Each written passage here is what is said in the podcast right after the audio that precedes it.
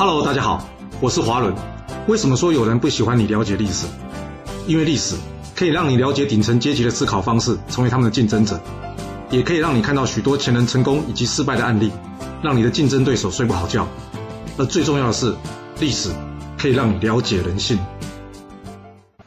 刚刚在战国第十三集的故事中讲到，齐国在军事奇才孙膑的策划下，针对魏国出动大军啊，包围赵国邯郸城。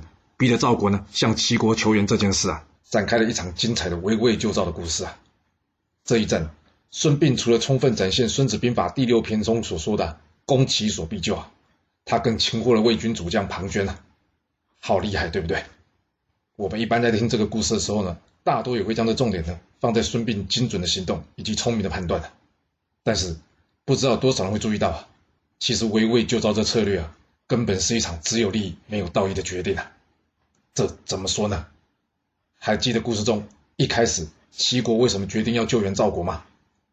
是因为两国军事同盟不救赵国就没道义，会让其他同盟国心寒？不是吧？齐王之所以决定出兵的关键点在哪里？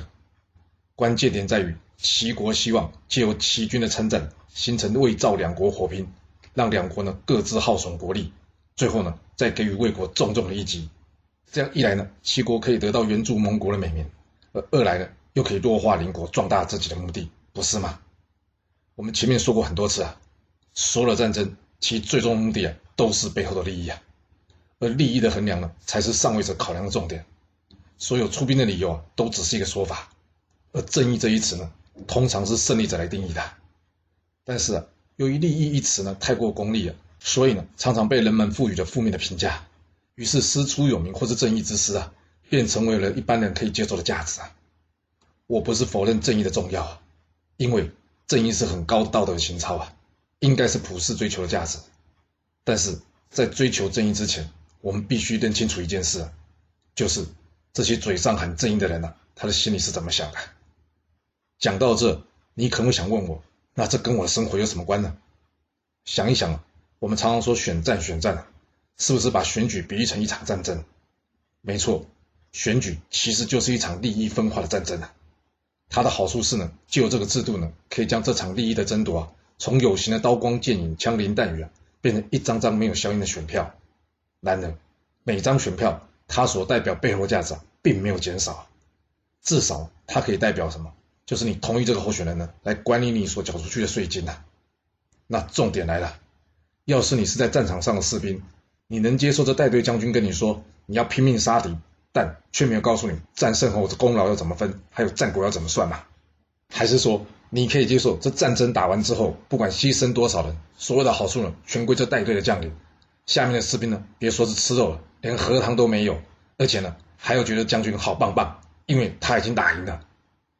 你要是觉得这样怪怪的话，那你再回头看看现在主流的选举方式吧，有多少人关心候选人的政见主张对我比较有利益啊？还是大家只关心这候选人是哪个政党，以及他是什么颜色，还有有哪些八卦。没有人说候选人的人品不重要，但信用，也就是落实竞选时的证件，是不是更重要呢？当选举只分立场颜色，没有证件牛肉，候选人呢也不用落实证件的时候，其实输掉的不是落选的一方，而是所有参与这场选举的人。就像刚刚上面说的，战胜了却没有任何奖励一样，民主。既然是以民为主，换句话说，你就是老板了，那你就应该用上位者的思考来评估这些帮你执行任务的人，千万别让这帮人呢偷换概念，用他当选了就等于是你赢了，就等于是正义，来取代他应该提出的政策牛肉以及服务人民的义务，您说是吧？若是你有其他想法，也欢迎留言分享你的看法给大家哦。好了，我们今天就先说到这。若是你想要知道完整版的故事内容，欢迎您可以到说明栏中找到我爱故事频道的连结。要是你喜欢这个频道，还要麻烦您动动你的手指，点赞、订阅、追踪，或是给我五星评价的支持以及留言分享哦。谢谢您来收听，我们下次再见。